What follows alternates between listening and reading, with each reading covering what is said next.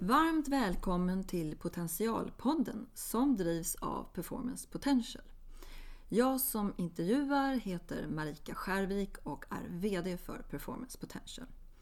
Tanken är att vi ska föra spännande samtal med kloka ledare som vi har valt ut om deras syn på ledarskap och deras erfarenheter. Vi hoppas komma lite under ytan och få lite mer personliga och intressanta berättelser. Vår tanke med den här podden är att du som lyssnare får med dig inspiration och konkreta värden som du kan använda i din vardag och i din organisation. Varmt välkommen hit Karin Eriksson, VD Excelbygg. Eh, jag är jätteglad att du är här och jag ser verkligen fram emot den här pratstunden tillsammans med dig. Tack så mycket, det är jätteroligt att vara här också. Mm. Jag tänkte, kan inte du berätta lite grann vem du är och eh, vad ditt företag gör? Ja, jag är VD på Excelbygg AB sedan tre år tillbaka och eh, Excelbygg är Nordens största byggmaterialåterförsäljare kan man säga. Vi jobbar mestadels åt proffs. Vi har ungefär 80 procent av våra kunder är hantverkare, små och medelstora företag som handlar hos oss. Så det är vad jag gör på dagarna. Mm. Eh, den här podden ska ju handla om ledarskap, det är tanken och sådär. Hur, hur tänker du kring det? Vad, vad, betyder det för dig rent sådär? Ledarskap, vad är, vad är det? Karin och ledarskap? Nej, men ledarskap handlar ju om att få någonting att växa. Det är ju så, om det är människor, företag, organisationer och det är ledarskap för mig. Att få vara den som ser till att det finns en, en bra jord och bra frön som man sår för att få någonting att blomma ut och växa och bli större. Och det är väl egentligen målsättningen för alla som leder verksamheter att eh, de ska bli livskraftiga och, eh, och växa och bli bättre. För saker som inte man försöker göra bättre, de slutar ju att vara bra. Det finns ju ett gammalt ordspråk som handlar om det. Ja, om vi går till ditt eget ledarskap, då, vad tänker du då? Vad, vad, vill, vad vill du att det ska representera? Har du någon tanke kring det? Nej, men jag tycker det är viktigt med att det som är kanske kärnan i mitt ledarskap det är öppenhet, transparens, eh, delaktighet. Jag tycker att det är viktigt att man inte gör saker för komplicerade utan att man, man eh, man försöker hela tiden ha fingrarna i myllan och ser vad är det kunden egentligen vill och hur fungerar det där ute på våra enheter? Ofta sitter ju svaren på våra mest komplexa frågor hos de som jobbar närmast kunden. Det får man aldrig glömma. Det är väldigt lätt att, att sitta i olika former av, av ledningsgrupper och annat och försöka komma fram till lösningar på, på problem. Men mitt erfarenhet är att gå ut och prata med de som jobbar på fältet så, så kommer ofta svaren där eh, tänker jag att det kanske är lätt att bli introvert i, i sitt, eh, sitt arbete. Är det det du, du far efter lite här? Ja men det är lätt, det tycker jag. Ju mer komplexa problemen är, det är min erfarenhet av att suttit i många ledningsgrupper, många koncernledningar, det är att ju mer komplexa problemen är, ju svårare frågeställningar, ju lättare att man blir introvert och att man riktar energin inåt i det här lite mindre forumet som kanske en ledningsgrupp, ett managementteam är. Istället för att faktiskt ta hjälp av dem som, som oftast har svar på frågorna. Ehm, och det är, det, det, det, det, är min, det är min erfarenhet. Så rikta som du säger inåtvänt, rikta istället fokuset utåt och titta på vad är det egentligen som händer där ute? Vad säger kunder och medarbetare? Mm. Um, om du skulle beskriva en dag på jobbet, um, det kanske inte är så lätt men jag tänker om man tar en måndag eh, kontra en fredag. Så vad, vad, vad, gör, vad gör du om dagarna så att säga? Hur, hur ser en arbetsdag ut för dig om du skulle plocka ut några saker? Ja, till skillnad mot branscher som har, varit, som har varit lite mer cykliska, där det händer väldigt mycket mer kanske på en måndag eller en fredag då, det beroende på vilken dag i veckan det är eh, inom handeln, så är det här en ganska jämn försäljning som vi har. Och, eh, en vanlig dag för mig på jobbet kan bestå av att jag har ett antal möten, det kan vara investeringskommittéer där vi fattar olika former av beslut, det kan vara råd, Eh, Eh, vi är ju en eh, ägarledd organisation, vi har många ägare och eh, vi sammanstrålar i olika former av råd och forum för att diskutera frågor. Så vi har allt från marknads och sortimentsråd, där vi har med våra platschefer och ägare ute i landet som, som får vara med och tycka till och tänka till på, på knepiga frågor. Eh, jag kanske har en ledningsgruppsmöte där jag träffar min ledningsgrupp för att diskutera frågor. Eh, det kan vara en vanlig vardag för mig. Sen är det ju naturligtvis en hel del administration. Och har det varit en bra dag så har jag oftast pratat just med folk ute på fältet. Så en eller två samtal per dag oftast från verkligheten eh, brukar jag se till att det blir och det blir det oftast för våra ägare runt om i landet och platschefer ringer oftast och ger mig både bra och dåliga nyheter. Mm. Jag tänker det är ju många som, som, eh, som får vara med och liksom tycka till och bestämma och sådär. Eh, låter det som i den typen av verksamhet som du har. Eh, och en fråga som jag alltid tycker är spännande att ställa det till, till chefer och ledare är så här, ty, Tycker du om att bestämma? Är det liksom en viktig fråga för dig? Eller hur tänker du där? Alltså jag tror att alla som söker sig till någon form av ledar, ledarskap vill, vill vara med och bestämma. Det tror jag är, liksom ligger i sakens natur, att man vill vara med. Framförallt handlar det om att påverka, att få vara med och forma någonting, skapa någonting. Så kanske mer än att fatta de formella besluten, eh, det är kanske mer av ondo. Men att skapa någonting och, och bygga någonting framåt, det är, det är absolut någonting som jag vill. Om det ingår att bestämma, ja, då vill jag bestämma. Bra. Eh, eh, ledarskapet har ju så att säga, som allt annat då, två, två delar. Det ena kan ju vara liksom svårt och energikrävande och det andra kan vara lustfyllt. Vad, vad, vad, om du skulle ta de där två, vad, vad, är det som är mest utmanande och energikrävande och vad är det som är mest lustfyllt? Om du skulle liksom ta vardera. Hur tänker du om det? I ledarskapet tänker du? Ja. Ja, alltså det, det som kan få mig att avtända kan jag säga, det är just när det blir för komplicerade strukturer, beslutsstrukturer där man eh, skapar en onödig komplexitet. Ehm, och ehm, det som kan få mig lustfyllt är just det här när vi känner att vi när vi skapar någonting tillsammans, jag och min ledningsgrupp eller vårt team eller i de här rådstrukturerna, när vi känner att vi kommer framåt i en väldigt viktig fråga och framförallt skapa kundnytta. För det är ju det allting handlar om någonstans. Det är ju den som skapar mest kundnytta som vinner. Och nu inom handeln så är det ju väldigt tuffa tider och eh, det blir en, en ganska stor kreativitet kan jag uppleva nu när det också är lite kris. Eh, att man faktiskt försöker hitta ännu mer innovativa lösningar. I vårt fall så handlar det om hur kan vi leverera ut mesta möjliga material utan att ha fysisk kontakt med våra kunder överhuvudtaget. Och det är inte helt lätt, vi har stora komplexa tunga varor. Eh, och därför har e-handeln inte kommit riktigt lika långt i vår bransch som i alla andra branscher. Men vi försöker hitta kreativa lösningar nu under det här och eh, det är sånt som skapar lust. När vi hittar nya innovativa sätt att, att tillfredsställa våra kunders behov. Um, apropå det här med svåra utmaningar i ledarskapet och, och, kanske mm, det ingår ju på något sätt att hantera både det som är väldigt, väldigt tufft och till och med stora kriser och sådär.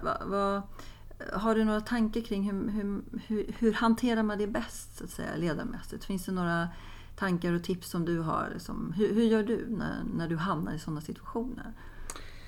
Alltså man kan ju prata om stora kriser, man kan prata om små kriser. Jag har ju då eh, varit med om en väldigt stor kris tidigare. Jag var operativ chef för Ticket som var en resebyråkedja och eh, vi hade ju då försäljning på 90 ställen.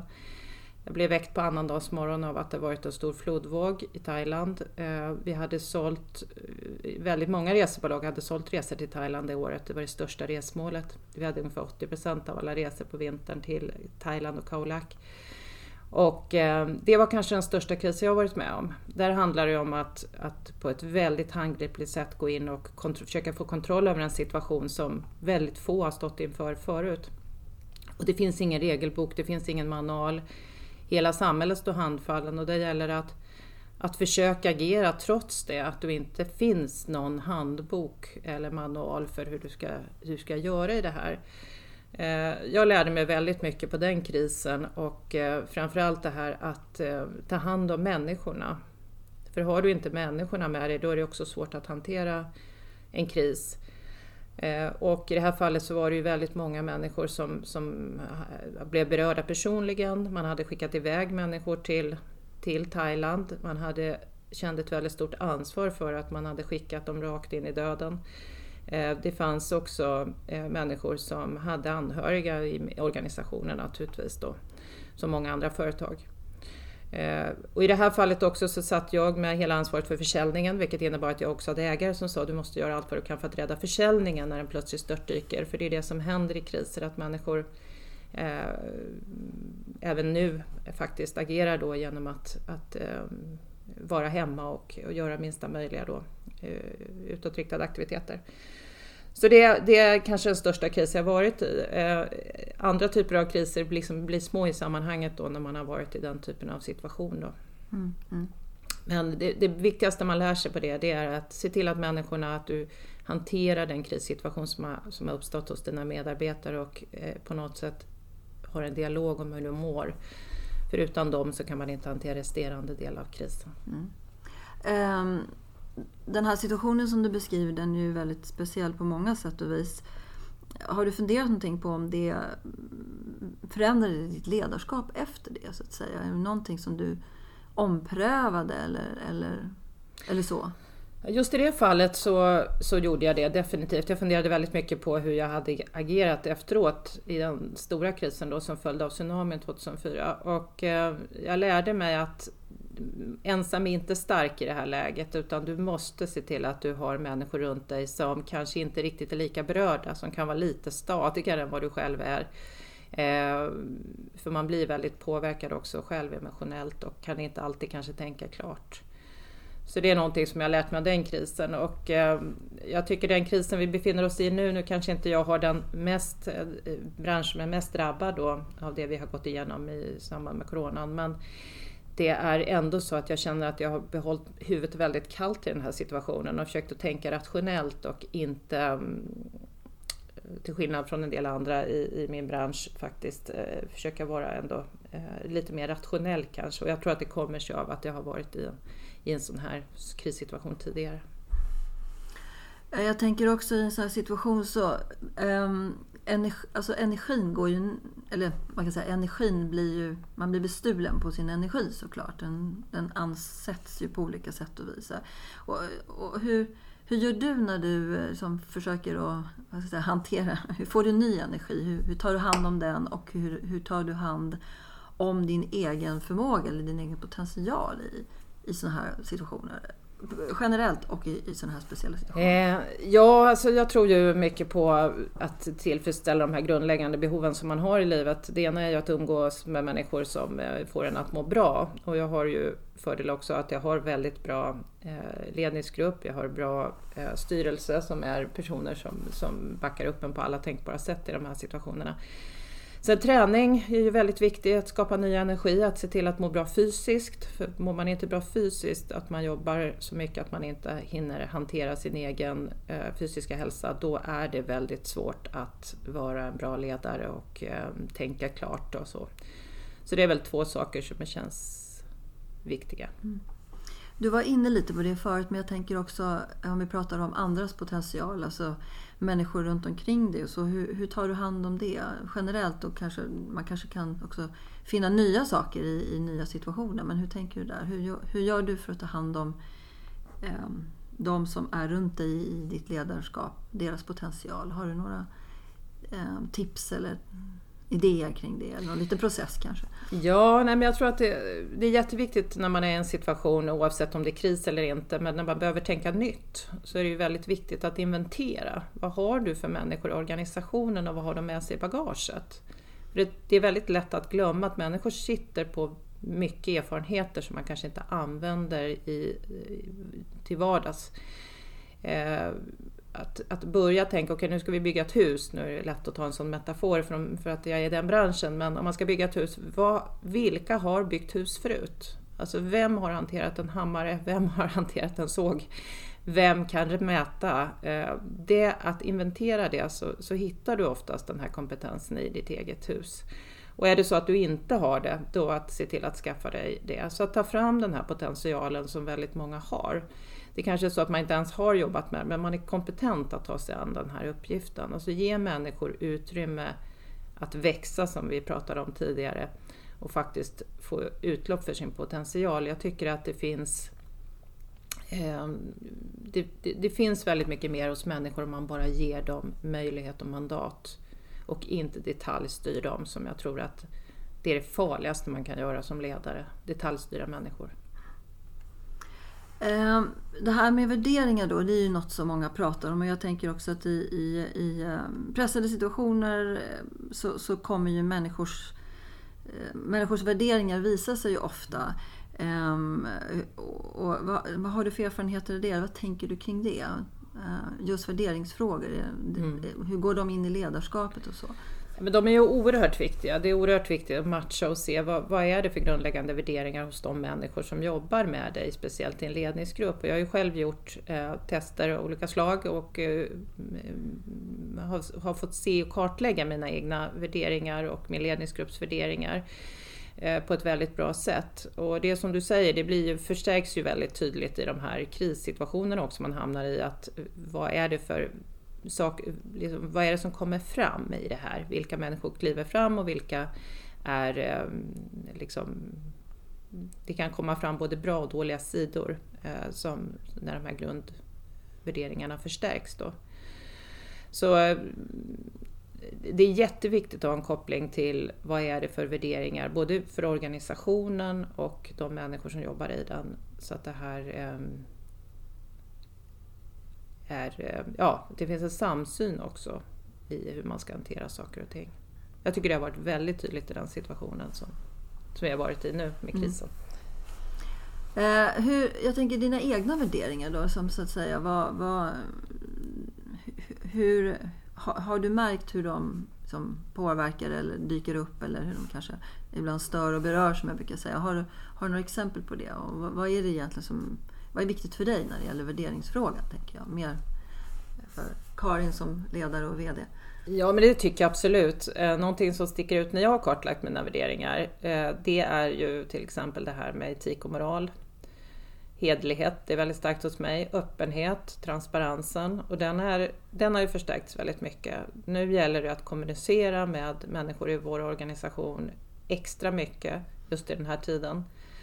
Eh, och där känner jag att jag blir, jag vill prata hela tiden. Eh, jag tror att det, den värderingen har förstärkts. Att jag vill se till att jag har kommunikation konstant. Så att jag lägger ut det jag gör konkret nu, jag lägger ut eh, filmer. Jag brukar lägga ut månadsfilmer, korta inspelade filmer till alla medarbetare i vårt bolag. Vi har ungefär 2000 medarbetare. Eh, men nu läggs, lägger jag ut väldigt ofta filmer, korta filmer, berättar hur vi jobbar med eh, den frågan som är så aktuell just nu och också bara få dem att känna tilltro till att vi kommer att komma ur det här på ett väldigt bra sätt.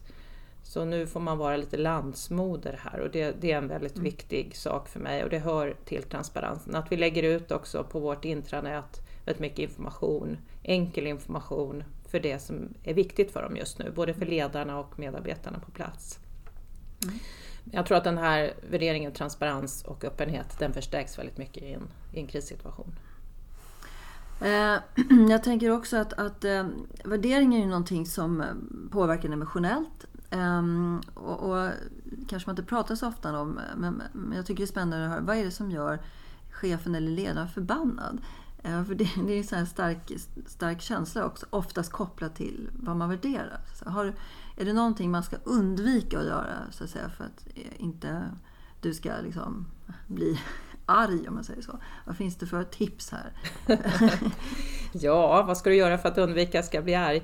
Nej men det kanske är det här om man då är en person som tycker om att ha stort, eh, eh, vad ska man säga, ett delegerat ledarskap där man litar och känner, man känner tillit till sina medarbetare så är det klart att om jag känner att tilliten inte finns från styrelse eller från från eh, annat håll så nu händer det väldigt sällan ska jag säga. Det har en fantastisk styrelse men eh, om det inte finns, då kan jag bli väldigt arg. Att jag känner att man vill in och detaljstyra eller ifrågasätter saker på en operativ nivå som jag inte tycker det styrelsen ska hålla på med. Det händer ibland. Då kan det vara eh, någonting som gör mig arg. Mm. men då får de veta det också så det går ganska fort att få feedback. Eh, det låter bra och tydligt apropå om kommunikation. Um, uh, jag tänker... Det här med att sova på nätterna, det är ju någon sån där... Det finns undersökningar som säger att vi, vi, vi är inte så bra på det och det finns undersökningar som säger att chefer inte heller sover så bra på nätterna. Men eh, alltså min fråga är, vad får dig att ligga vaken om nätterna om du nu gör det? Så att säga? Vad är det som liksom stör din, eh, stör din nattsömn? Om det, om, det, om det någon gång nu inträffar då. Ja, nu har jag en väldigt fördel av att jag peppar peppar sover väldigt bra men eh, om det störs så är det ju oftast relaterat till försäljningen och eh, det är ju så när man är en kommersiell person. Försäljning är ju hjärtat, det är faktiskt en kommersiell verksamhet, det får man inte glömma.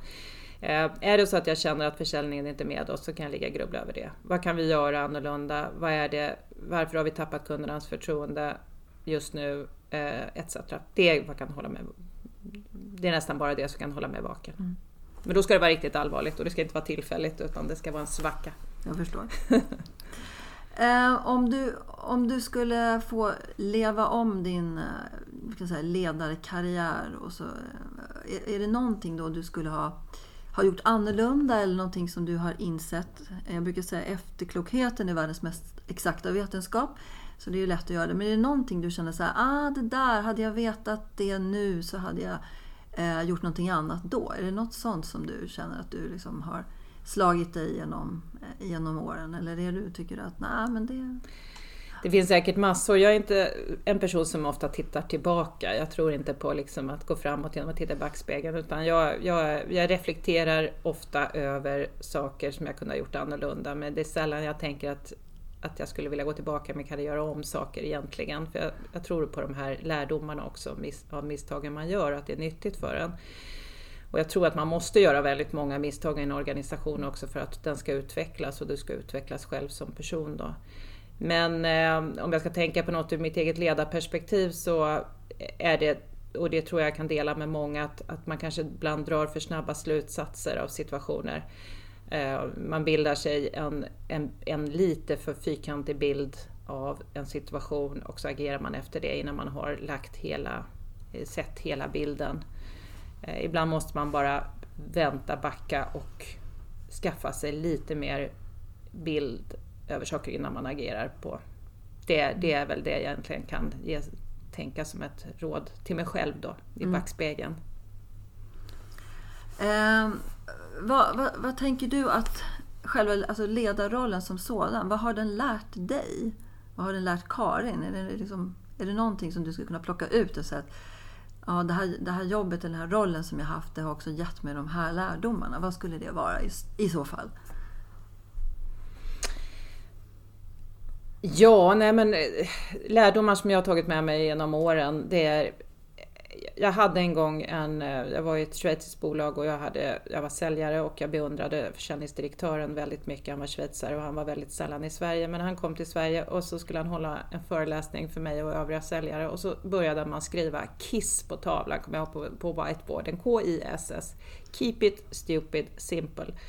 Eh, och det är ett sån här regel som jag haft med mig som en lärdom i mitt ledarskap. Alltså gör inte saker mer komplicerade än det behöver vara. Eh, det är oftast de enkla lösningarna som är svaret på väldigt många problem. Så det är en sån här lärdom som jag tagit med mig i ledarskapet.